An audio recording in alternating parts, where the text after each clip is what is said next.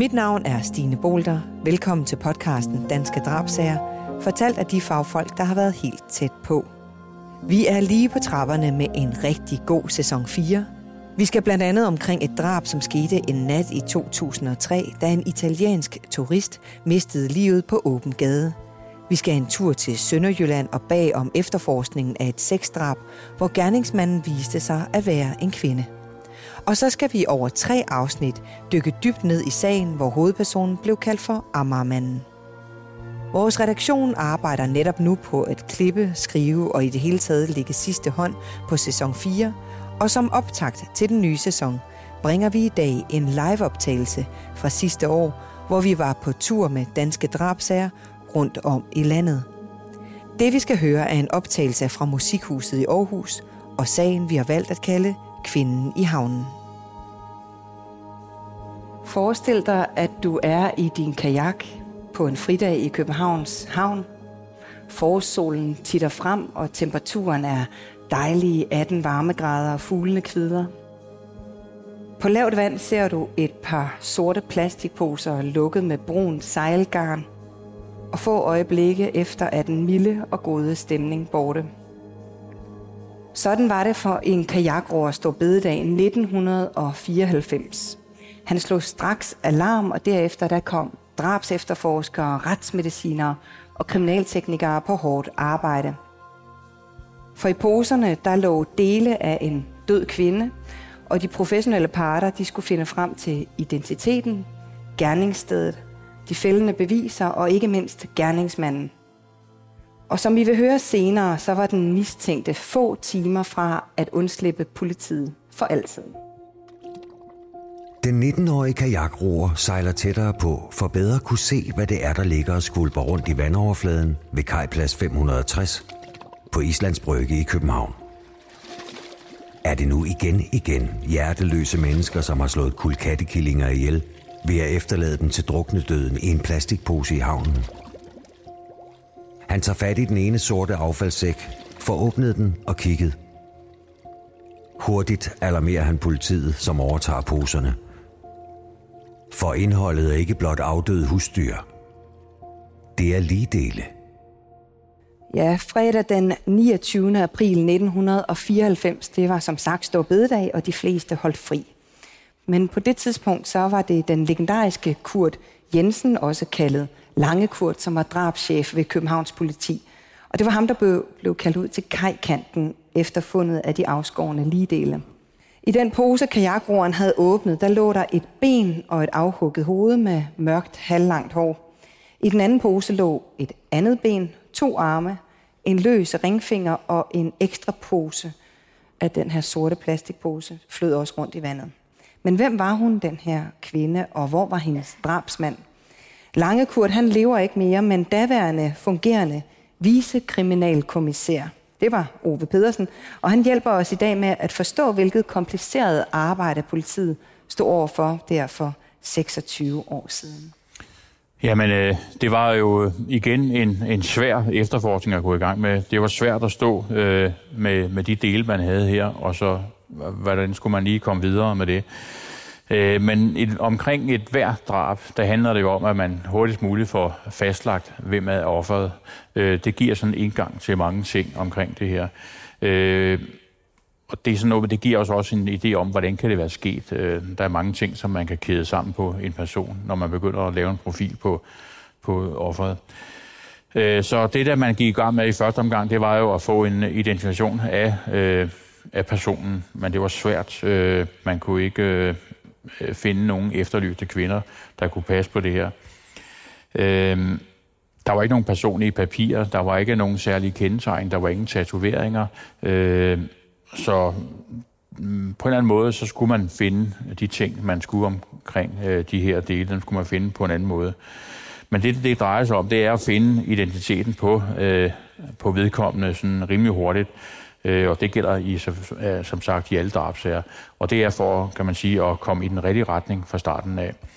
Øh, på det her tidspunkt, der havde man ikke så meget, som sagt, så man gør det, at man får taget et billede af hovedet øh, ude på retsmedicinsk, og det kommer så i avisen.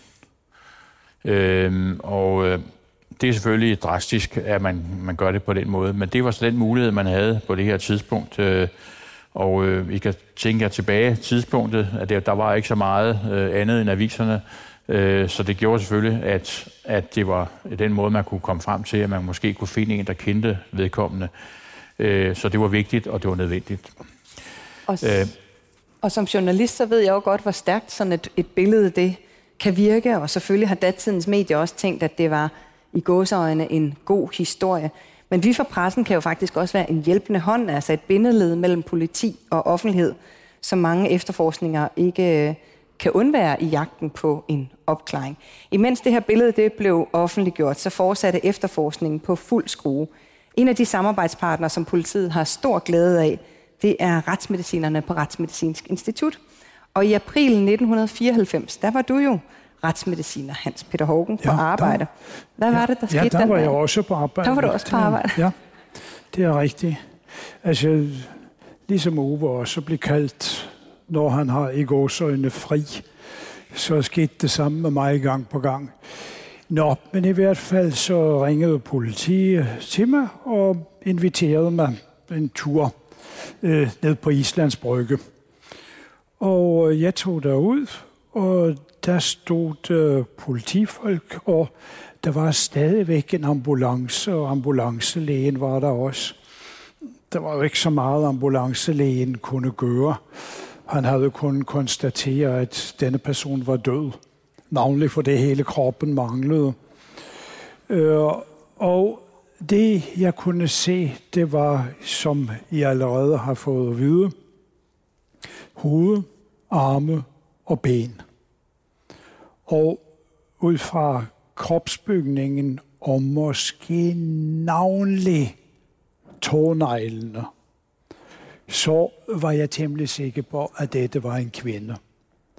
Hun havde de mest fantastiske højrøde tårnegle, og store tårneglene, de var også sådan spidset til fortil. Så øhm, der må blive Dem kommer vi lige tilbage til. Ja, jeg blev slået på, slidt hul på mange strømper og sådan noget med de tær. Nå, men det var så tilbage til det, vi havde at gøre godt med. Disse ligedele, de blev transporteret ind til Retsmedicinsk Institut til nærmere undersøgelse. Og som Uwe jo allerede har snakket om, så var det jo meget, meget vigtigt at prøve at finde ud af, hvem var denne person. Og det vidste vi jo ikke på det tidspunkt, men vi kunne jo prøve at gøre noget for at hjælpe politiet lidt på vej i den rigtige retning. Så vi målte benene. Det vil sige, at vi kunne ikke måle længden på lårbenene, for de var skåret over. Men vi kunne måle længden på skinnebenene. Så går vi ind i et tykt katalog, vi har, hvor der står en forfærdelig masse tal. Og så kan man se, hvis den og den knogle er så så lang, så er kropslængden eller højden på denne person så så mange centimeter, plus minus et par centimeter. Så det kunne vi finde ud af, at denne person, som vi virkelig regnede med var en kvinde, var 155 cm høj. Så vidste man det. Vi regnede med, at det var en kvinde. Vi vidste nu højden. Så er det nu med etniciteten.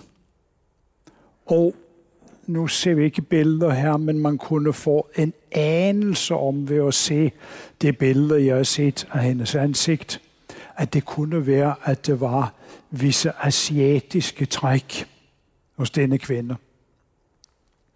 Og der undersøgte vi kranier, og ud fra kraniets form, så kunne vi sige, at dette var en kvinde af asiatisk oprindelse, højst sandsynligt fra Sydøstasien, Thailand, Burma, i det område, måske Vietnam. Det kunne vi sige. Og så var det, hvor gammel var denne kvinde? Altså, Var hun 17?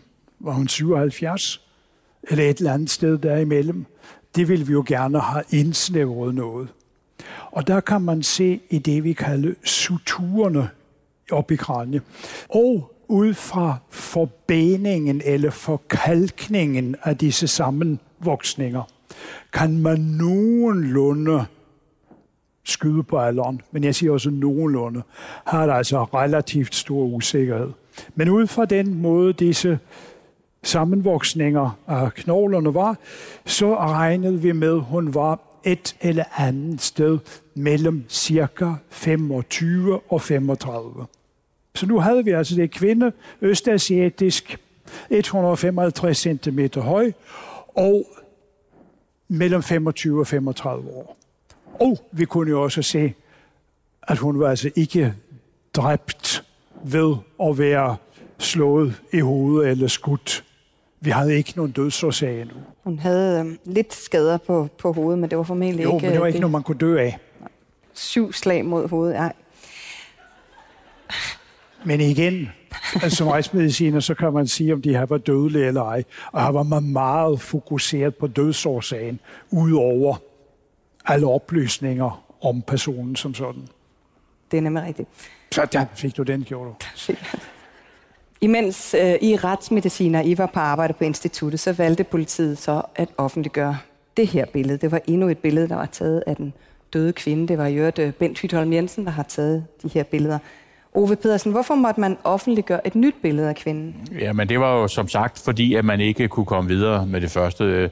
Jeg ved godt, det er måske ikke øh, det rigtige udtryk, men man prøvede at lave et mere naturligt billede. Øh, retsmedicineren gjorde et stort stykke arbejde med øh, i hvert fald at få, få det til at, sådan, at se nogenlunde ud, som om, at øh, øh så det kunne fotograferes øh, så lige et, et øh, ikke afskåret hoved, men et menneske. Og det var selvfølgelig for at lokke nogen frem, der vidste øh, noget om, om hende her kvinde. Det nye billede, øh, det var som sagt lidt anderledes, øh, men det var jo ikke, det var stadigvæk en, en sådan, øh, det, var, det var langt at gå at sætte et billede af et afhugget hoved på forsiden af avisen, men det var det var det eneste, man havde. Så det var en, det var en nødvendighed, øh, og, øh, selvom man ikke havde brød sig om det. Øh, samtidig med det, så offentliggjorde man også et billede af hendes tårnegl. Øh, rødlakeret tårnegl. Øh, og det, der var i det, det var, at de var, de var meget lange, øh, og de så særpræget ud.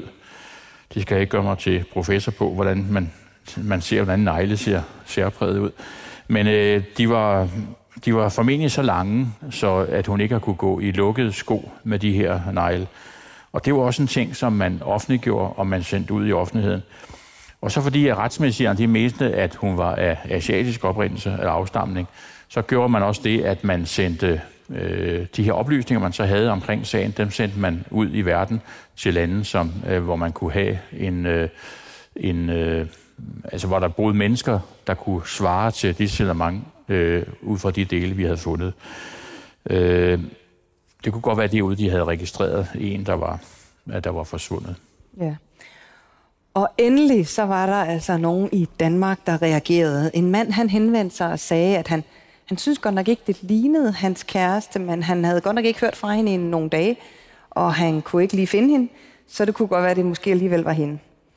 Det måtte i hvert fald undersøges nærmere, og nu fik kriminaltekniker Bent Hytholm Jensen og hans kollegaer til opgave at samle et hold. Vi fik en anmodning fra drabsafdelingen i København om at køre til Nordsjælland og undersøge en lejlighed. Vi vidste jo ikke, hvor gerningsstedet var, og derfor så blev der sendt et, et hold kriminalteknikere op til lejligheden i Nordsjælland. Øh, dels for at øh, lede efter fingeraftryk, så man eventuelt kunne fastslå identiteten, om det kunne være den afdøde kvinde nede fra havnen. Plus at øh, vi samlede jo også et gerningssted, og så skulle lejligheden selvfølgelig undersøges for, om, om det kunne være et muligt gerningssted. Man fandt fingeraftryk op i lejligheden. Man fandt også faktisk øh, nogle blodspor på et gulvtæppe deroppe, så man kunne ikke udelukke, at der kunne være tale om et gerningssted. Fingeraftrykkene blev sammenlignet med de fingeraftryk, som man havde på den afdøde kvinde nede fra havnen, og det viste sig, at øh, det var den rigtige kvinde. Så nu var identiteten altså på plads, og øh, politiet kunne komme videre med efterforskningen. Finde potentielle gerningsmænd og motivet til drabet. Ove Pedersen, hvad var næste step så på det her tidspunkt? Jamen øh, igen, i enhver drabsag, der er det altid øh, Øh, kan man sige, livet, eller det er findested. Det er der, hvor man har de øh, faktuelle oplysninger, man går ud.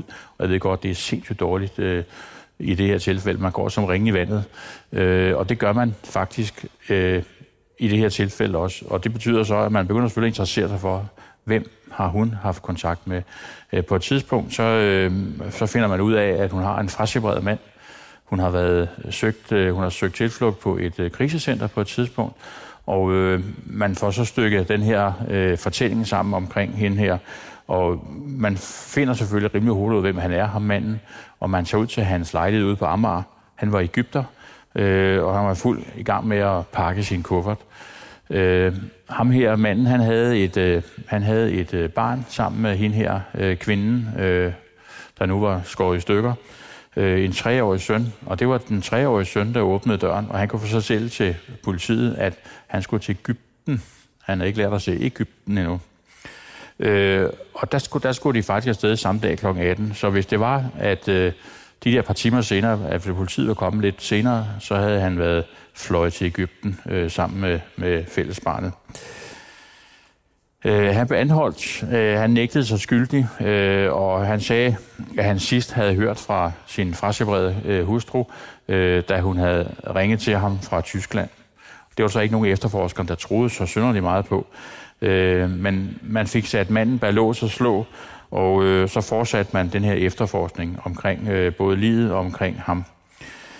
Øh, vi fik lavet en, eller der blev lavet en rimelig god øh, offerprofil på hende her øh, kvinden, og det viste sig så, at, at, øh, at det her par, de havde været sammen i øh, fem år, og øh, der havde været meget øh, vold i deres samliv. Øh, og da kvinden så endelig går fra ham, og rimelig hurtigt finder en ny kæreste, så bliver ham her eksmand meget jaloux. Og det er der meget ballade ud af. Og der er også en meget ballade ud af, at man, kælder, man kæmper om forældremyndigheden, om ham her, øh, deres fælles barn. Så der var masser af motiver, som man kunne bruge, og man kunne arbejde videre på, for at fastlægge ham her som drabsmanden. Ja, så man havde to lejligheder og en bil, der skulle undersøges for spor og beviser. Så øh, kriminalteknikers afdeling, de havde nok at se til. Kriminaltekniker Bent Hytholm Jensen var som sagt en af dem, der var på arbejde i de her dage. Efter anmodning fra drabsafdelingen i København, så blev jeg og nogle af mine kollegaer sendt ud til den mistænktes lejlighed ude på Amager, hvor der vi skulle lave en undersøgelse og se, om vi kunne finde nogle spor, der havde relation til, til den parterede kvinde nede i havnen. Det blev faktisk til to undersøgelser, fordi der var jo lejligheden, der skulle undersøges for spor, øh, og så var der en bil, der holdt nede øh, på gaden, som tilhørte den mistænkte. Der var tale om en øh, gammel stationcar, som øh, jeg undersøgte. Øh, og i bagagerummet, der konstaterede jeg, at der lå øh, en rulle plastiksække, hvor der var taget nogle, nogle, nogle sække fra i alt tilfælde. I forbindelse med undersøgelse af lejligheden, øh, der øh, undersøgte vi den selvfølgelig for øh, diverse spor. Øh, vi fandt nogle smykker, formentlig nogen, der har tilhørt den, den afdøde kvinde. Da vi undersøgte køkkenet, øh, der fandt vi en, øh, en kasse, hvor der lå to saver nede i. Den ene af dem var en stiksav, og den anden var en listesav, sådan en, man bruger til at skære smi på lister og så videre. På stiksaven, øh, der fandt, fandt vi ikke noget blod eller noget, der reagerer som på blod, men på listesaven, der så det ud som om, at den muligvis havde været afvisket og havde været i noget væske af en eller anden art, fordi det så ud som om, det var størken uden at være blevet tørret af. Så der var sådan lidt påbegyndende rust på den. Øh, den tog vi med hjem, og efterfølgende så øh, blev den jo interessant i sagen. Ja, altså for enden af en af takkerne på saven, og i selve savens skaft, der fandt kriminalteknikerne under deres minutiøse undersøgelser små stykker væv, som blev sendt ind til Retsmedicinsk Institut. Ind til dig, Hans Peter. Ja. Og hvad var det, øh, det I fandt ud af der? Disse vævstykker var meget, meget små. Altså, hvad skulle man gøre med det? I dag ville man have lavet DNA-undersøgelse på det. Dengang var det for lidt væv til at lave DNA-undersøgelse. Teknikken var ikke så udviklet dengang som i dag. Så hvad kunne jeg så gøre med det, der har disse her små vævstykker?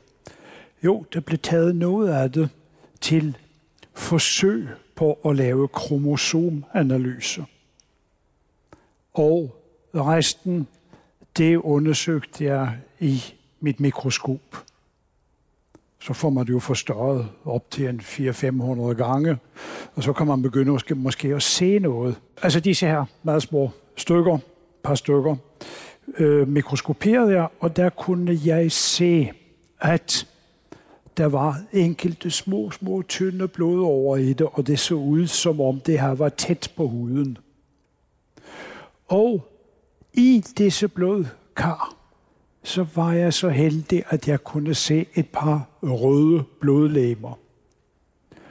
Mennesker og alle andre pattedyr har ikke kerne i de røde blodlemmer. I alle de andre celler, så har vi cellekerner, men ikke i de røde blodlemmer. Fisk og fugle og, og krybdyr, de har kerner i de røde blodlemmer. Og det vil sige, bum, væk med alle de andre typer dyr. Vi stod tilbage med en eller anden form for pattedyr, og mennesker er også pattedyr. Så var det ligesom bare håb på, at kromosomanalysen, der var blevet lavet på en lille smule væv, kunne give noget. Desværre var vævet så dårlig, at prøven var inkonklusiv med hensyn til alt antal kromosomer. Mennesker har 46 kromosomer. På den måde kunne man måske ane, at du var menneske. Men det man kunne se i hvert fald, det var, at der var to X-kromosomer. Har man to X-kromosomer, så er man kvinder. Har man et X og et Y-kromosom, så er man mand. Så vi vidste i hvert fald, at dette var fra et hundkønsvæsen som var pattedyr, og menneskerne er en type pattedyr. Længere kunne vi ikke komme på det tidspunkt. På det tidspunkt. Men så siger øh, den anholdte jo, at øh, når ja, han spiste jo af og til ja. abekød. Ja, fordi han havde i sin fryser, så havde han abekød. Og det der abekød, det savede han så med en sav, fortalte han, til mindre stykker, og som han lavet til en eller anden velsmagende ragu. Øh, nå ja, altså, folks spisevaner, de er jo så forskellige. Øh, men så kunne jeg sige, ah, ah, at, at det er muligt, det var abe, væv, jeg havde set, det kunne jeg ikke udelukke. Men jeg kunne sige, at det væv, jeg havde set på i mikroskop, det havde aldrig været frosset. Og hvordan kunne jeg sige det? Jo, fordi hvis man fryser noget ned, så kommer der små vævssprængninger, for det er væsken. Altså alt kød har jo noget væske i sig. Blod for eksempel. Og, og vævsvæske. Når det fryser, så kommer det krystaller. I kender det ganske sikkert fra hjemmelavet iskrem, hvis man ikke har en iskremmaskine, der kommer krystaller i eller is, der er blevet næsten tøet helt op, og lagt i fryseren igen, så det, kommer det is. Og sådan er det også i frosset kød. Så jeg kunne sige, nej, det der har aldrig været dybfrosset. Hej Danmark, Patrick på Gækkers Øllered her. Hvornår har du planlagt din næste tur til Skandinaviens største varehus? På Gekås i Ullared kan du shoppe og overnatte til fantastisk lave priser. Hvornår kommer du? Shoppa, bo och umgås på Gekås Ullared. Nu skal du bare høre. Jeg er lige skiftet til det faglige hus, og jeg sparer næsten 5.000 kroner årligt. Vildt. Jeg vil ønske, vi også kunne melde os ind. Men det går nok ikke, når jeg er elektriker og min kone er sygeplejerske. Jo, det faglige hus er for alle, også for dig. Vi er Danmarks billigste fagforening med A-kasse. Tjek detfagligehus.dk ej, det er så spændende. Jeg tror aldrig, jeg har haft den her følelse før i kroppen. Bachelorette er tilbage. Jeg går helt i panik. Jeg kan ikke sige det navn, som skal have min sidste rose. Ja, men det er dit værd. Ikke også? Bachelorette. Lige nu på TV2 Play. Jeg kommer bare til at nyde hvert sekund af det. En anden detalje, som I også arbejdede sammen omkring, var om det præcis var den her sav, som var blevet brugt til parteringen af den døde. Det fortæller Bent Hytholm Jensen om. I forbindelse med obduktionen af den øh, parterede kvinde der, der kunne vi jo konstatere øh, sammen med retsmedicinerne, at øh, knoglerne var savet over med en eller anden form for en sav. Og ude i lejligheden, der havde vi jo fundet den her listesav. Umiddelbart, når vi så på de her savspor i, i knoglerne, vi fik øh, skåret nogle knoglestykker øh, ud og tog dem med hjem i afdelingen og sad under mikroskop og, og kunne, kunne prøve at sammenligne de her forskellige ting med hinanden. Savsporet det var omkring 2 mm bredt, øh, og i midten af savsporet der var der ligesom en forhøjning i, i knoglemassen. Øh, og vi lavede så et øh, prøvespor med den her listesav, som vi har fundet ude i lejligheden. Listesaven, den havde øh, sådan nogle meget tætte øh, tænder, hvor hver anden tand, den drejede ud til højre, den anden øh, ud til venstre. Og vi prøvede så at lave nogle prøvespor i en hjortetak, øh, og der fremkom faktisk nogle savspor, som var faktisk fuldstændig identiske med de savspor, som der var i kvindens øh, knogler. Vi kunne selvfølgelig ikke sige, at det var den sav, der havde lavet, eller der var brugt i forbindelse med parteringen, men vi kunne i hvert fald sige, at sporene de havde så stor lighed, at øh, der var stor sandsynlighed for, at det var i hvert fald en sav med det samme type savskær, øh, som var brugt i forbindelse med partering af, af den afdøde kvinde. Ja, de her i virkeligheden CSI, de er altså rigtig seje, og de øh, undersøgte andre ting ude på kriminalteknisk afdeling. De skulle også undersøge de her sække i bagagerummet af bilen og sammenligne dem med de sække, som ligedelene de var blevet fundet i. Prøv at se her engang. Vi lavede en øh, undersøgelse og en sammenligning af de her plastiksække ude i vores sporsektion. Vi brugte gennemlysning forstået på den måde, at øh, hvis man gennemlyser sådan nogle sække, så kan man se noget, der hedder ekstruderingsstriber. Ekskluderingsstriber, det er nogle langsgående striber, som opstår i forbindelse med fremstilling af de her plastiksække. Og udover de her eksploderingsstriber, så findes der så nogle produktionsfejl øh, eller nogle små urenheder i det plastik. Øh, og det, øh, når man lyser igennem, så kan man typisk se det som en eller anden form for en komet, altså med en mørk plet og med en hvid hale. Eller også noget, der ligner et fyr. Sådan en mørk plet med sådan nogle ligesom stjerneformede øh, lysspor ud til siderne. Og de øh, opstår fuldstændig vilkårligt i, i det her støbning af plastiksækkene. Og derudover så er det jo klart, at afrivningsfladerne på sækkene fra sæk til sæk, øh, de skal selvfølgelig også passe, og sækken skal være samme type osv. osv., osv.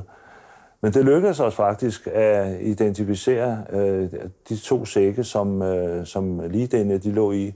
I hvert fald den ene af dem havde hørt øh, til, var den sidste, der var taget fra den rulle, der lå i, i vareruden på bilen. Øh, og den næste hang også sammen. Ja, det kunne man se på de her øh, forstrækkede plastikdutter, når man sådan i perforeringen, når man hiver dem fra hinanden. Plus at nogle af de her urenheder gik fra den ene sæk ind i den anden, øh, når man gennemlyste. Så der var ingen tvivl om, at øh, de to sække, som lige var fundet i, hørte til den rulle, som vi har fundet i varerummet på, på, på den her stationcar. Altså, vi finder så ud af, at, øh, at, øh, at hende, øh, identiteten på den afdøde, det var altså hende her, den 39-årige kvinde af thailandsk afstamning. Hun var de her 155 cm høj. Så var hun mor til den her 3-årige dreng, som hun havde med ham, den 48-årige mand.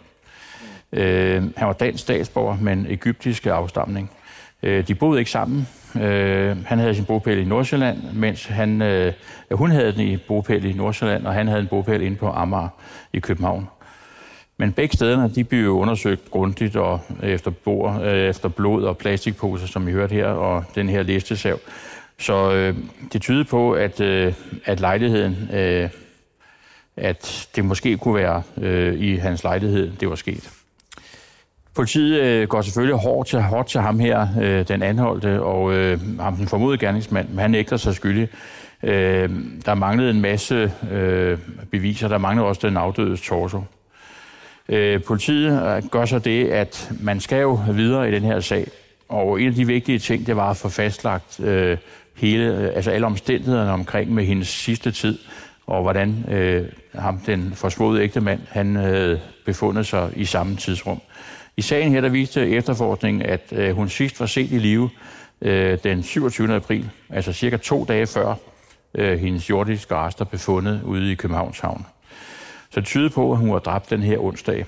Den mistænkte, han indrømmede, at han havde været sammen med hende øh, den dag, og bagefter så var han taget til København og været sammen med nogle venner ude på Amager. Øh, altså efter det formodede dødstidspunkt det passede fint med, at hendes ligdel de var fundet øh, i Københavns Havn øh, samme dag. Han havde hævet 9.300 på hendes konto, og den havde på hendes, eller på hendes kreditkort, Øh, hvorfor, det kunne han ikke rigtig gøre rede for, men han hævede dem øh, af fem omgange. Og det er jo sådan et tegn, som man ser øh, gerningsmænd, de gør, at for dengang var det ikke så udbredt. Jeg kan godt love, at i dag skal ikke gøre det. Der bliver afdækket lige med det samme, fordi der er jo ikke en, en, ikke en eneste øh, hæveautomat, hvor der ikke er kamera på. Det kunne godt findes dengang der i 94. Det var ikke så udbredt. Men øh, det blev også øh, lagt fast, at, øh, at øh, ud fra en masse vidneafhøringer, det var, at ham her, øh, eksmanden, han havde købt en sort rulle plastiksække i dagligbrusen ude på Amager den samme dag. Han, øh, hvorfor kan man så lige vide det? Det var ikke brugsmanden, der kunne huske, at han havde købt den. Øh, men han går så direkte fra, øh, fra øh, for forretningen, købmanden, der går han ind i poppen lige ved siden af, af supermarkedet med rullen med plastiksække under armen. Øh, og så spørger en af gutterne ind på, på værtshuset, ja, og hvad skal du med de sække? Øh, hans svar, det var så, jeg har en del ting, jeg skal skille mig af med. Skriget er højt og indtrængende. Pædagogerne tror først, de bare leger. At de lever sig ind i lejen og skriger. Måske for at få opmærksomhed. Men skrigene er anderledes. Fulde af angst og redsel. De tre 12-årige børn har fundet noget, intet barn skal finde. En død person. Sammen med resten af deres venner og pædagogerne fra den nærliggende fritidsklub skynder de sig hjem, og politiet bliver tilkaldt. De to piger og en dreng på 12 år, som har gjort det makabre fund, bliver afhørt, og alle i klubben får tilbudt krisehjælp. Der er brug for at tale det grofulde igennem. Imens ser politiet nærmere på det fund, børnene har gjort. Delvist afbrændt, forsøgt skjult i en sort affaldssæk, ligger den lige del, de har let efter i næsten en uge. Torsoen. Det var torsdag den 5. maj 1994. Klokken var cirka 16.30, da de her tre børn på 12 år de fandt torsoen kullet i et tæt buskads 100 meter fra deres fritidsklub på Amagerfællet. Torsoen den lå mindre end en kilometer fra kajplads 560, hvor de første dele af den døde kvinde var blevet fundet. Retsmediciner Hans Peter Hågen. Du blev kaldt ud på Amagerfællet den dag. Ja, den dag havde jeg jo naturligvis heller ikke fri. Det var jo en hverdag. Øhm, og øh, jeg blev kaldt derud for at tage dette, denne torso i øjensyn. Og det jeg kunne se, det var jo som sagt en torso, der manglede hoved, der manglede arme, der manglede ben. Og torsoen var ret så forbrændt. Og det var sådan set det, jeg kunne sige, da vi var ude for, øh, på findesteder. Og igen, jeg bruger ordet findested. Her var det sandsynligvis jo ikke gerningssted. Der er meget tyder på, at det var sket et andet sted. Nå, men tilbage til det. Det var sådan set det, vi kunne finde ud af på det tidspunkt. Og så gjorde vi, som man altid gør i de sager. Øh, og det var, at Torsund blev, kan I se allerede på billeder, øh, bragt ind på Retsmedicinsk Institut. Og der gjorde vi det, vi også gør i disse tilfælde. Vi finder hoved, arme og ben frem igen fra vores kølekælder, og så lægger vi torsoen op på bord, og så sætter vi armene og benene og ude. Altså, nu skal vi prøve at se, om det passer sammen. Og knogleenderne, altså fra overarmen og fra det resten af, af overarmsknoglene sammen med benene og hovedet og ned på, på, på øh, rygsøjlen, passede fuldstændig alle steder. Så kunne man sige, jamen det var da fint. Så, så havde vi jo torsoen fra den kvinde, det kunne du ikke være nogen tvivl om. Jo, det er det, den holder sgu ikke i retten. Fordi man skal kunne bevise, at det er fra den samme person. Så det var jo altså DNA-undersøgelse fra alle dele. Og det blev foretaget, og det bongede jo så heldigvis ud med den samme DNA-type på alle vævstykkerne. Ergo var det fra den samme person. Så nu havde vi hele lige. Og øh, med den forkullede torso, så skulle kriminalteknisk afdeling lede efter brandbare væske eller andet, som kunne bevise, at den mistænkte havde sat ild på den afdøde. Kriminaltekniker Bent Hytholm Jensen han blev orienteret om fundet på Amagerfællet, og så kom han i tanke om noget ganske interessant. Da jeg bliver oplyst om, at øh, kvindens torso er fundet ude på Amager, øh, på Amagerfældet, øh, og gerningsmanden han har forsøgt at brænde øh, torsoen af, øh, den har også været pakket ind i plastiksække, øh, fordi man øh, fandt øh, nogle smeltede rester fra plastiksække. Så kom jeg i tanke om, at øh, da vi var ude i lejligheden, i den mistænktes lejlighed, der havde jeg set et par stofhandsker, hvor jeg godt nok havde bemærket, at der ude på fingrene øh, fandtes nogle små sorte partikler, der lignede smeltet plastik. Men på daværende tidspunkt, der øh, hæftede vi os jo ikke så voldsomt meget ved, ved det, fordi det havde ikke lige umiddelbart nogen interesse for sagen. Det fik det jo så, øh, fordi at øh, da man undersøgte torsonen for brandbare væsker, så viste det sig jo, at, at øh, torsonen formentlig var overhældt med noget lampeolie. Øh, og så blev handskerne jo pludselig interessante, så dem kørte vi selvfølgelig ud og sikrede, og under mikroskop kunne vi så se, at der faktisk var øh, smeltede rester af, af, af plastik, som meget vel kunne være fra, fra den plastiksæk, som torsoen havde ligget i. Øh, plus at vi sendte øh, handskerne til undersøgelse for brandbar, brandbare væsker, og det viste sig faktisk, at øh, de også indeholdt øh, lampeolie. Øh, I forbindelse med undersøgelsen af lejligheden, der bemærker vi selvfølgelig også, at det så ud som om, at øh, mistænkte han var ved at flygte øh, fra landet, kan man vel sige. Fordi vi fandt en kuffert, øh, der var pakket med tøj. Øh, og da vi øh, åbnede for kufferten og undersøgte indholdet, der fandt vi et grønt håndklæde, hvor at, vi fandt en del blod. eller i hvert fald noget, der reagerede som for blod, og det blev så senere konstateret, at der var tale om blod øh, og DNA-profilen for blodet, den passer med den afdøde kvindes. Så, så det var øh, den afdøde kvindes blod, der var på det grønne håndklæde i kufferten. Da han på retsdagens sidste dag igen sidder i Østrelandsrets smukke bygning i hjertet af København, får han det sidste ord. Den 49-årige er tydeligvis følelsesmæssigt påvirket. Han er på grådens rand, og med fakta forsøger han at overbevise alle i retslokalet om sin uskyld. Han ser rundt på de 12 nævninge og de juridiske dommere, som om lidt skal beslutte, om han er skyldig i anklagerne eller ej. Ja, og da drabsagen kom for Østerlandsret den 30. oktober 1995, så forsøgte den tiltalte, nu 49-årige mand, at overbevise alle i retten om, at han ikke havde slået sin tidligere hustru i hovedet. Han havde heller ikke kvalt eller parteret hende. Han havde heller ikke stjålet hendes penge eller smykker eller forsøgt at stikke af med deres fælles barn – til Ægypten. Han forsøgte også at tilsværte sin ekskone ved at sige, at hun ikke var egnet som mor, og at hun var prostitueret. Det var faktisk ikke det eneste, han gjorde. Tidligere anklager Jakob Bug Jebsen, han har selv stået med flere drabsager, blandt andet ubådssagen, hvor en tiltalt måske har forsøgt at komme med mange forskellige historier for at slippe for straf. Prøv at høre her. Der havde under sagen været øh, nogle øh, afhøringer, hvor han skiftede forklaring, og øh, og han, han pegede i andre retninger på, hvem det var, der skulle stå bag det her parteringsdrab. Øh, så som at det skulle være en navngiven politimand, som øh, gjorde det, og han forsøgte også øh, med flere øh, omstændigheder at tilsværte den forurettede sag. Og øh, det er jo noget, der er til ses øh, i såvel drabsager som i andre straffesager, at den, der sidder tiltalt, forsøger at, at tilsmusse øh, modparten, og øh, det fører sjældent noget godt øh, med sig.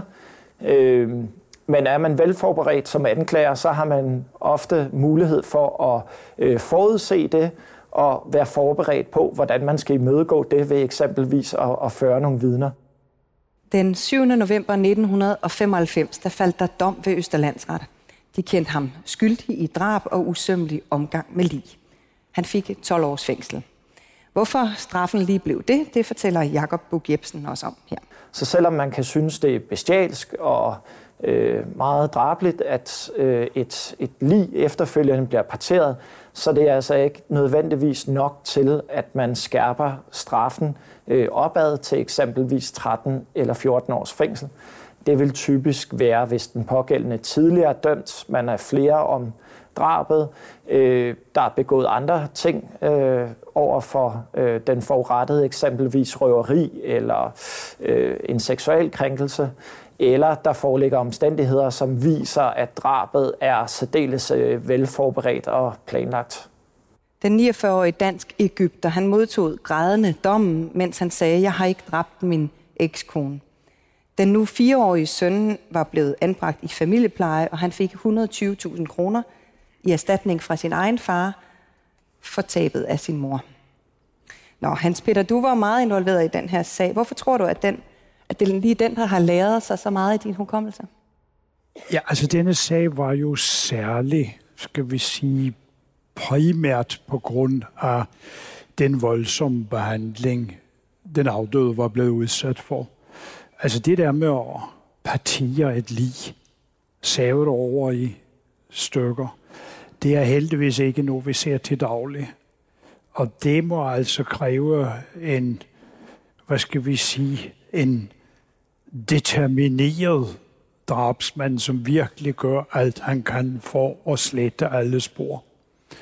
Øh, de, den type sager har vi heldigvis meget få af, men de få sager, jeg har været med til den type her i landet, har alligevel lavet sig herinde.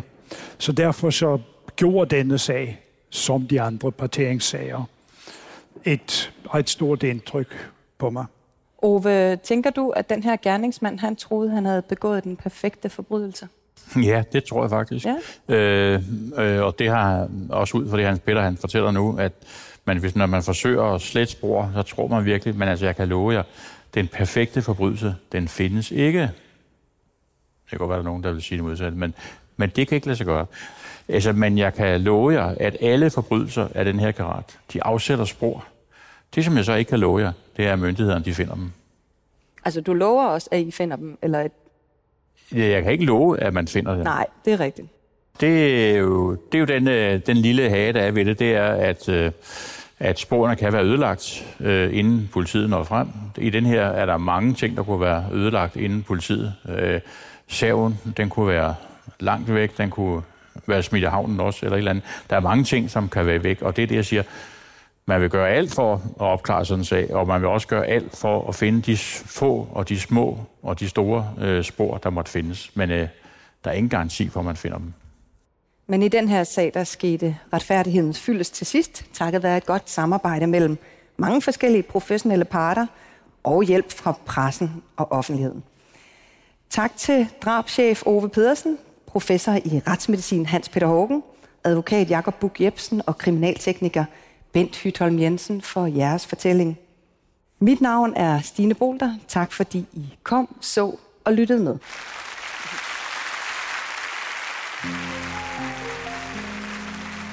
Det var Kvinden i havnen, optaget i Musikhuset i Aarhus. Mit navn er Stine Bolter, og vi er snart klar med flere afsnit af Danske Drabsager lige her i din podcast-app. Vi kommer også ud i landet igen, så snart covid-19-situationen tillader det. Tjek Ticketmaster.dk og abonner på podcasten her for at holde dig opdateret med billetsalg og datoer.